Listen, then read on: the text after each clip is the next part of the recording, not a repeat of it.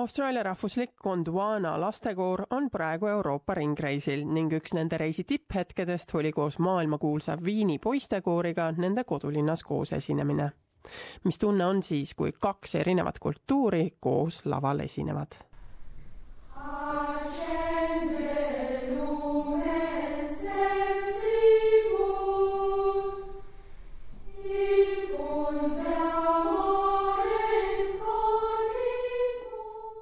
Need on Viini poistekoori lauluhääled. see koor loodi viissada aastat tagasi ning nüüd reisivad nad ümber maailma ning esitavad kuulsate lääne heliloojate loomingut. kuid sellel päeval jagavad nad lava kooriga, kes on oma elu esimesel välismaa reisil. see on Austraalia rahvuslik põlisrahvaste lastekoor nimega Gondwana, kes kannab ette laule, mis pärinevad sellest iidsest kultuurist.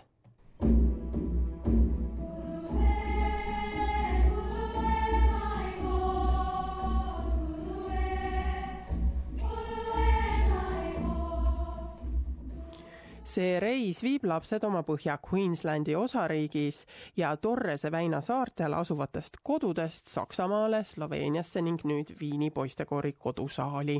Lynn Williams on selle koori looja Well, they came over with the distinct idea that they were going to share their culture.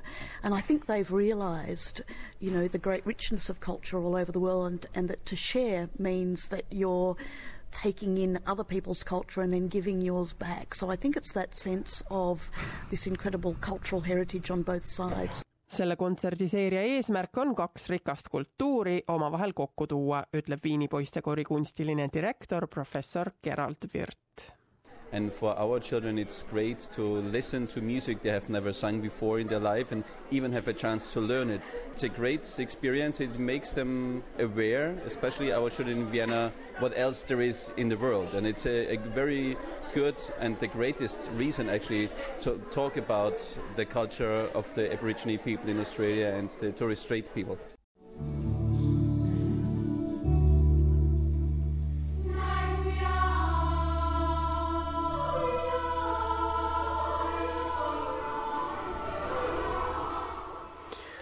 Mõlemad koorid esinesid enne eraldi, kui nad hiljem kokku tulid, et koos laulda ja tantsida.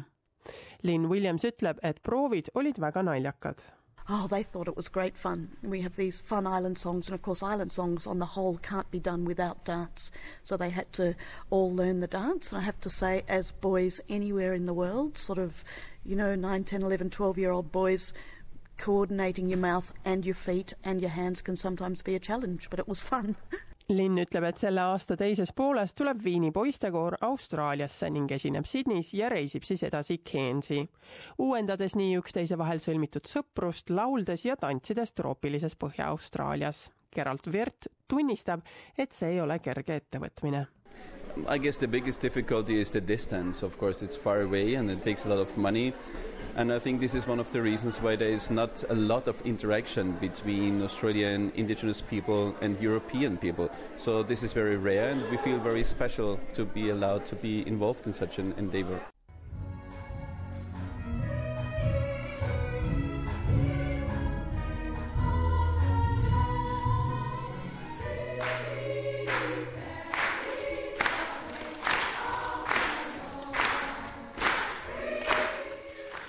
Publik plaksutab rütmis ja koor laulab seisva ovatsiooni taustal. Gondwana laulja Georgina räägib siin Viini poistekoori muusikakultuurist.